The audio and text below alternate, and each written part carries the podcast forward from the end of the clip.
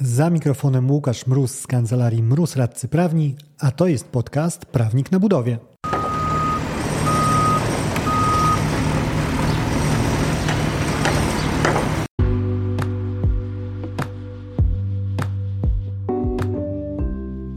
Prawnik na budowie. Podcast o wszystkim, co związane z budownictwem. Uwaga, może zawierać śladowe ilości prawa.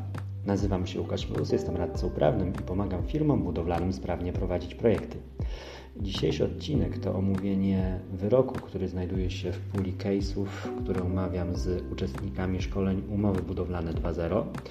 Przy okazji chciałbym zaprosić Cię na najbliższe edycje 25 września w Gdańsku i 23 października w Warszawie.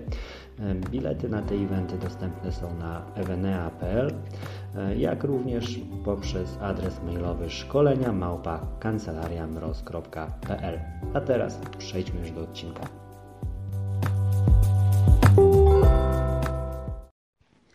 Na starcie przeproszę nieco za e, stronę wokalną od siebie.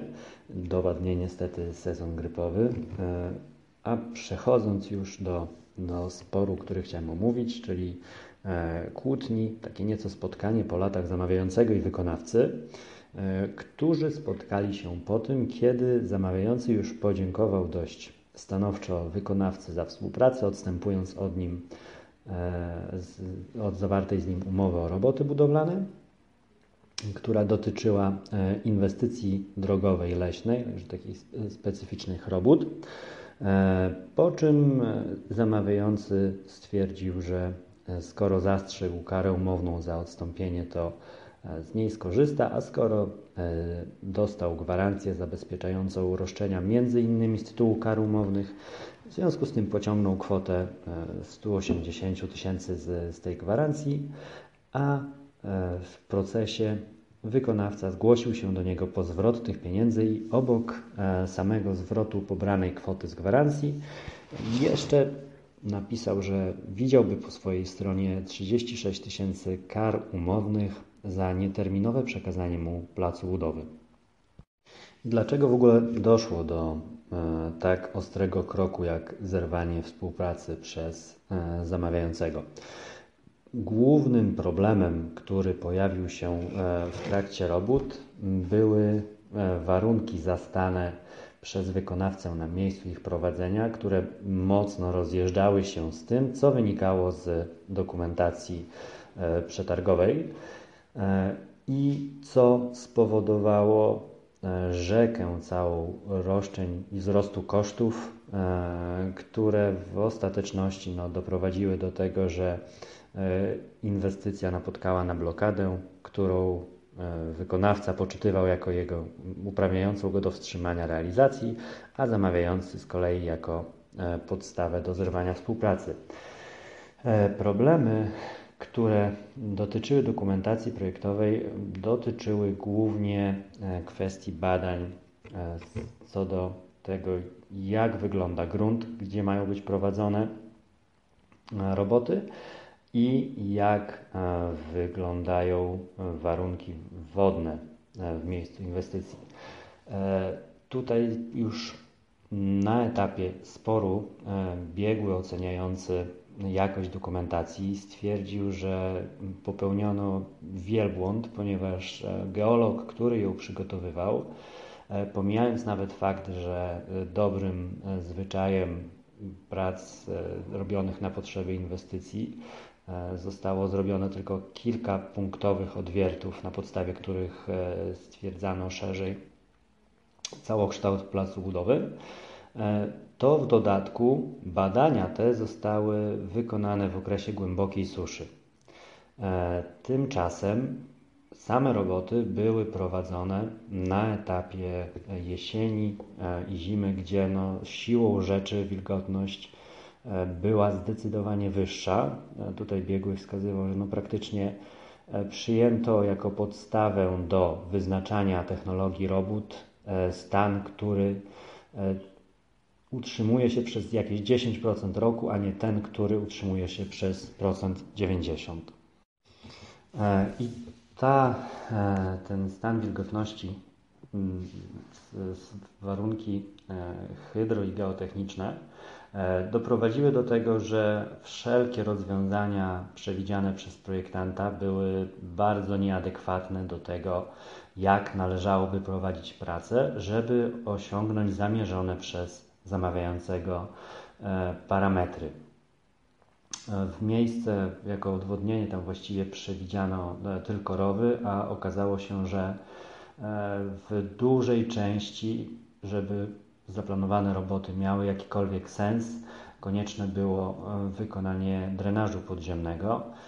Sama, mm, sama nośność tych gruntów też bardzo utrudniała tak czysto prozaicznie prowadzenie robót przez brak możliwości poruszania się ciężkimi maszynami E, i brak, jak już mówiłem, e, stosowania technologii, którą przewidział zamawiający i która była zdecydowanie tańsza w relacji do tego, która w rzeczywistości okazałaby się e, potrzebna. Kiedy te problemy zaczęły wychodzić, wykonawca rzecz jasna raportował je do zamawiającego, ale ten przyjął właściwie taką, jeżeli już o wodzie mowa, to nabrał wody w usta E, mimo że no, sytuacja była tak skrajna, że nawet e, po, e, po zdjęciu humusu wykonawca odkrył w ogóle, że w, w przebiegu drogi uchowało mu się koryto rzeki.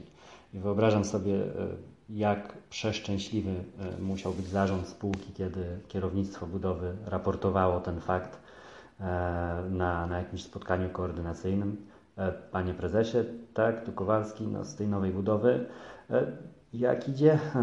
No, jakby to panu prezesowi, no, z dobrych wieści znalazłem panu prezesowi nowe e, miejsce na wyjazd na ryby. No, z tych gorszych niestety znajduje się na moim placu budowy. I mimo, że doszło nawet do tak skrajnego zdarzenia, to komunikacja co do rozwiązania tego problemu była mocno jednostronna. Zamawiający właściwie schował się w, biurze i nie bardzo chciał e, uczestniczyć w wyjaśnianiu, cóż z tym fantem zrobić. E, przedstawiał mu wykonawca alternatywne sposoby realizacji robót, e, dostosowane do osiągnięcia założonych parametrów, które no, siłą rzeczy nie były do utrzymania w pierwotnym budżecie, E, sytuacja właściwie z, skończyła się tym, jeżeli chodzi o komunikację między zamawiającym a, a wykonawcą, że w pewnym momencie włączył się też e, w to wszystko projektant, hmm, stając, czy może trudno powiedzieć, że stanął po stronie e, wykonawcy, tylko po prostu ocenił sytuację. I nawet projektant stwierdził, że no cóż, ten stan, który jest w rzeczywistości, nie był możliwy do, mm, do zaobserwowania, do, do stwierdzenia, do przewidzenia na etapie tworzenia dokumentacji, e, która była e, opracowywana na podstawie takich, a nie innych e, badań geologa. W związku z tym projektant też stwierdził, że jak najbardziej tutaj potrzebne są daleko idące zmiany e, i powinny one zostać wprowadzone. E, zamawiający właściwie odpowiedział E, projektantowi, że on nie przyjmuje tego rozwiązania projektowego, a jeżeli rzeczywiście e, do kontraktu wprowadzona zostanie dokumentacja zamienna, to kosztami tej zmiany zostanie obciążony właśnie projektant, e, co przywodzi mi na myśl sytuację z lat szkolnych, kiedy bawiąc się w suflera kolegi stojącego przed tablicą mogłem usłyszeć mróz, skoro jesteście tacy uczynni, to może masz ochotę stanąć tutaj zamiast kolegi. A w relacji do E, do wykonawcy, zamawiający stwierdził z kolei, że e, ok, słuchaj drogi wykonawco, jeżeli sądzisz, że tam są potrzebne zmiany, żeby miał drogę z moimi parametrami, śmiało, je, ale niestety nie możesz doprowadzić do tego, żeby pojawiły się jakiekolwiek nowe materiały dodatkowe albo rozwiązania techniczne. E, I tutaj ta jakby stanowisko było na, na tyle powodujące eksplozji, eksplozję skroni, że nawet sąd w uzasadnieniu wyroku e, podkreślił, że to jest najzwyczajniej w świecie nielogiczne i fizycznie niewykonalne e, w, w okolicznościach tej sprawy, żeby jednocześnie domagać się zmiany technologii, aby była adekwatna do, e, do warunków, ale przy czym bazowała w całości na zakładanych materiałach i rozwiązaniach technicznych. No w każdym razie, tak jak mówiłem, tutaj sytuacja w pewnym momencie dobrnęła do ściany, gdzie wykonawca nie bardzo widział ani możliwość działania, ani nie bardzo miał chęć brania na siebie ciężaru tych nowych rozwiązań technologicznych E, i zamawiający zdecydował się na odstąpienie od umowy, powołując się na, na kwestie terminowe. Wrzucił zarówno tutaj te, jako podstawę odstąpienia e, postanowienie umowne, które przewidywało, że może e, zerwać współpracę przy określonych nieterminowościach, jak również bezpośrednio artykuł 635 kodeksu cywilnego, który pozwala inwestorowi odstąpić od umowy jeżeli e, wykonawca jest z postępem robót tak głęboko w lesie, to nie było zamierzone w relacji do, e, do inwestycji drogowej leśnej. W każdym razie jest tak głęboko w lesie, e, że, że nie jest prawdopodobne, że zdoła ukończyć roboty w terminie umówionym. I oceniając tą część sporu, czy może jeszcze zanim do tego, jak sąd to ocenił, to troszkę argumentów które podawał zamawiający jako uzasadnienie stanowiska ze swojej strony. E, znalazł się tam no, klasyczny pakiet, e, czyli po pierwsze, cóż, pytań mm, do, na etapie przetargu nie było, ale sąd zbił to twierdzeniem, że no, biorąc pod uwagę treść dokumentacji, to sąd tutaj nie widzi, żeby rzeczywiście istniały takie wątpliwości, które na etapie składania E, oferty powinien, powinny skłonić wykonawcę do, do zadania pytań, bo e, to, co było problematyczne, tak naprawdę wyszło dopiero w momencie realizacji, więc na etapie składania oferty nie było możliwości tego przewidzenia, nawet uwzględniając wyższy standard profesjonalizmu wykonawcy, do którego odwoływał się e, zamawiający. Ponadto sąd wielokrotnie podkreślał, że to po E, stronie e, zamawiającego leży obowiązek e, odpowiedniego przygotowania opisu przedmiotu zamówienia, w tym no, przygotowania badań, które pozwolą wykonać umowę we właściwy sposób, bo zamawiający podkreślał, że no, drogi wykonawco, jesteś profesjonalistą, więc trzeba było przewidzieć, że pracujesz jesienią i zimą, będzie mokro, więc trzeba było założyć e, odpowiednie środki techniczne do tego. I z tą oceną też nie zgodził się sąd, wskazując, tak jak mówiłem, że to nie rolą wykonawcy jest e, opisywanie i dobieranie technologii, ale e, to robi zamawiający na etapie przygotowywania zamówienia. W związku z tym tutaj też sąd nie dopatrzył się okoliczności, która uzasadniałaby wrzucenie ryzyka tych nieprzewidzianych okoliczności na wykonawcę. Sąd akcentował też, że e, w czasie całego tego sporu dwóch stron także projektant podkreślał e, zasadność zmian, których domagał się e, wykonawca. Także projektant jakby podkreślał, że no to nie były rzeczy możliwe do, do przewidzenia.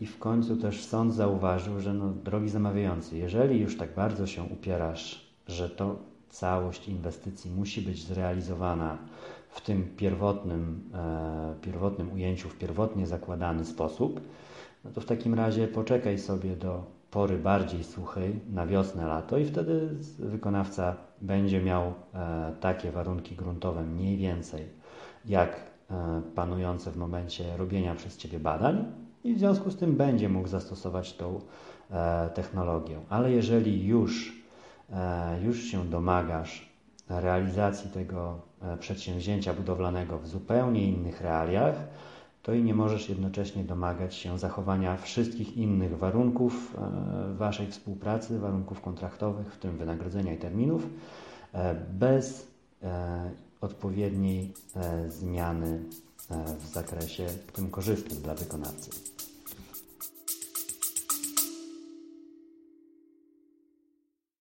Wracam na trasę szkoleniową. Z Akademią Kontraktów Budowlanych, czyli swoim autorskim szkoleniem, odwiedzę cztery miasta.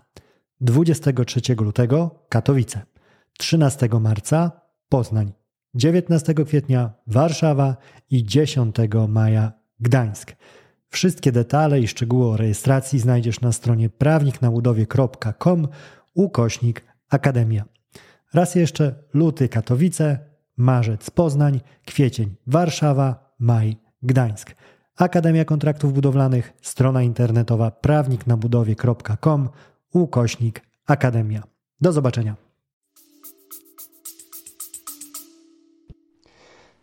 Te wszystkie elementy e, w zakresie tego roszczenia o zwrot kwoty 180 tysięcy za kary za odstąpienie pociągniętej z gwarancji doprowadziły sąd do przekonania, że rzeczywiście te pieniądze powinny wrócić do wykonawcy, gdyż nie było zasadne e, wskazywanie, że, że zamawiający był uprawniony do naliczenia tej kary.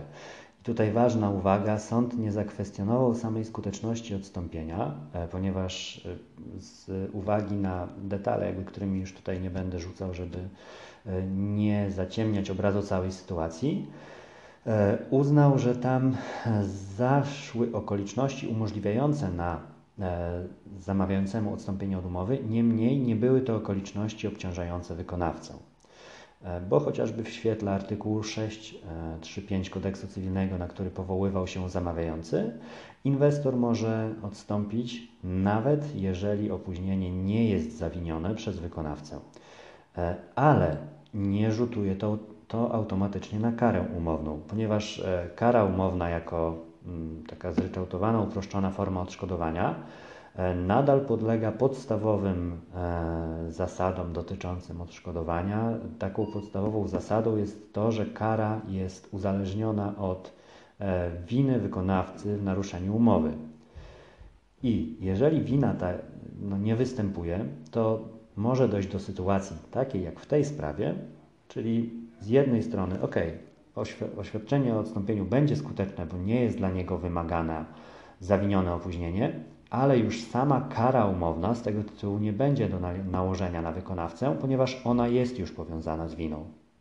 I mimo, że sąd nie przyznał jakby wykonawcy 100% racji, e, bo uznał, że rzeczywiście odstąpienie od umowy było możliwe, e, no to spór zakończył się w tym zakresie no de facto pozytywnie dla E, dla wykonawcy, e, ponieważ te 180 tysięcy, które chciał dostać z powrotem, dostał.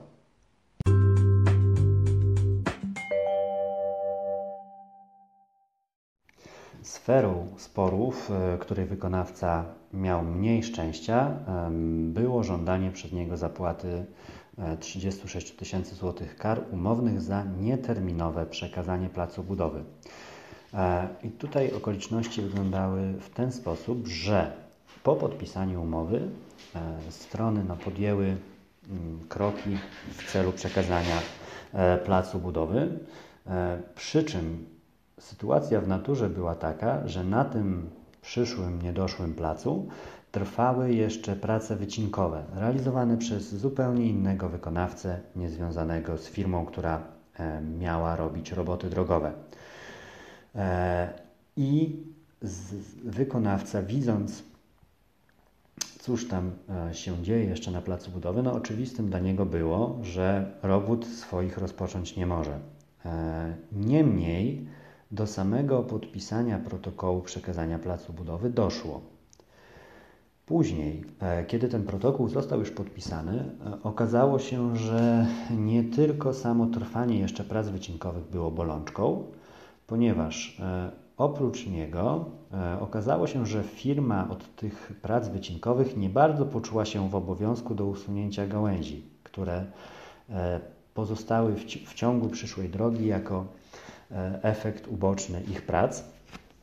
No i na dzień dobry wykonawca i zamawiający mieli do czynienia ze sporem o roboty dodatkowe, ponieważ za roboty dodatkowe uważał E, wykonawca wywiezienie i usprzątnięcie tych gałęzi, ponieważ e, to powinno być zrobione już przez firmę, która robiła wycinkę, on powinien dostać czysty plac budowy. E, nawet dostał deklarację od inspektora nadzoru, że te koszty OK, jak najbardziej do pokrycia zostaną dorzucone do pierwszej transzy wynagrodzenia.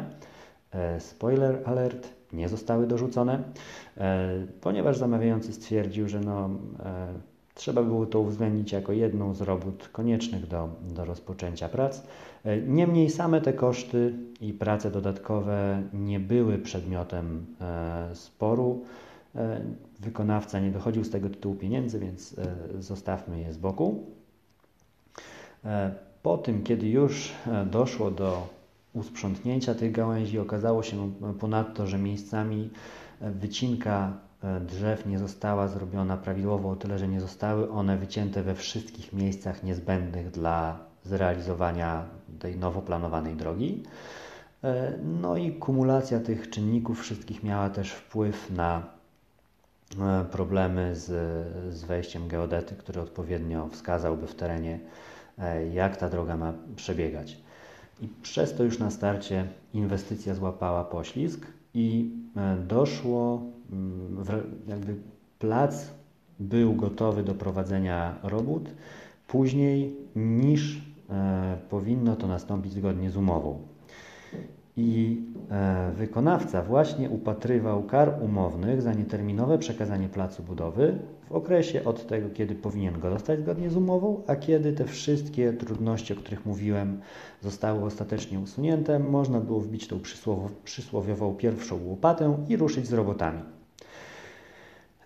Zamawiający natomiast e, przyjął bardzo prostą linię argumentacji, stwierdzając, że no cóż, o momencie przekazania placu budowy decyduje e, protokół takiego przekazania, który został podpisany jeszcze we właściwym terminie umownym, zmieściliśmy się, e, więc nie ma, nie ma w ogóle tematu e, kary za nieterminowe przekazanie. I sąd zgodził się z tym stanowiskiem, który prezentował zamawiający. Wprawdzie sąd podzielił ten taki ogólny argument, że przekazanie placu budowy, który jest podstawowym, jednym z podstawowych obowiązków inwestora, E, powinno być zrealizowane w taki sposób, że ten plac powinien e, zostać udostępniony e, w sposób umożliwiający przeprowadzenie robót. Niemniej, jeżeli dochodzi do sytuacji, w której wykonawca, widząc ten brak gotowości, decyduje się na podpisanie protokołu przekazania placu budowy, wtedy w ocenie sądu, no cóż, on sam podejmuje tę decyzję i nie może później mówić, że nie przejął placu budowy, ponieważ no de facto składając swój podpis pod protokołem e, dokonał tego.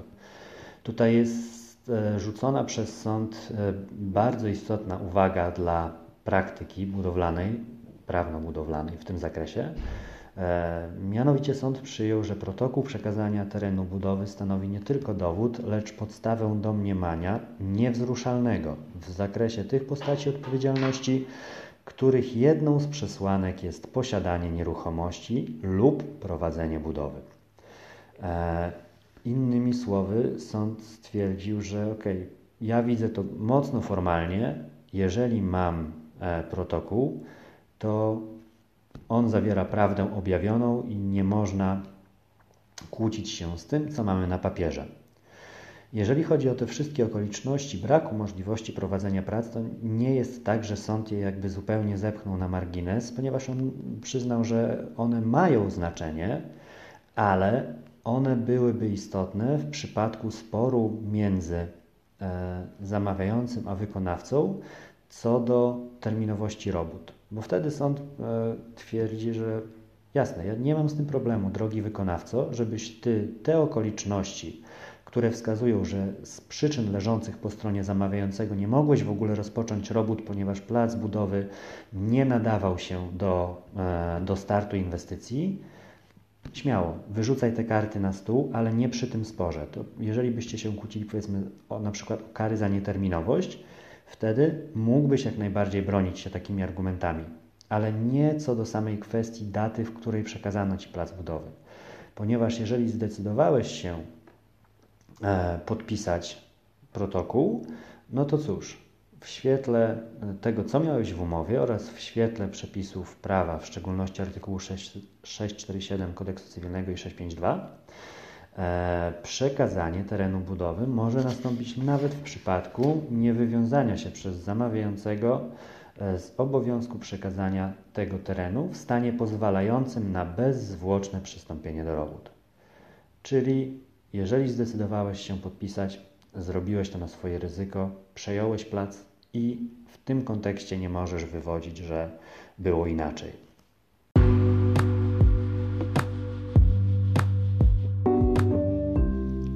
Tyle, jeżeli chodzi o tą sytuację sporną. Jak wspominałem, e, to omówienie jest elementem materiału, e, który omawiam z, z uczestnikami szkoleń Umowy Budowlane 2.0. Najbliższe edycje tego szkolenia 25 września w Gdańsku oraz 23 października w Warszawie. Na mm, oba mam jeszcze dostępne miejsca, więc serdecznie Cię zapraszam. Rejestracja przy, przez adres mailowy szkolenia małpa kancelariamroz.pl oraz na stronie Evenea. Jeżeli wpiszesz tam w wyszukiwarkę umowy budowlane 2.0, to znajdziesz zarówno bilety na szkolenie w Gdańsku, jak i w Warszawie. E, ja ze swojej strony dziękuję za mm, odsłuchanie tego odcinka i do usłyszenia w kolejnym. Dzięki za odsłuchanie tego odcinka. Jeżeli chcesz się ze mną skontaktować, możesz napisać na biuro małpa albo zadzwonić na 577 665 077. Znajdziesz mnie też w mediach społecznościowych. Na LinkedIn jako Łukasz Mróz, a na TikToku, Facebooku i Instagramie jako Prawnik na Budowie.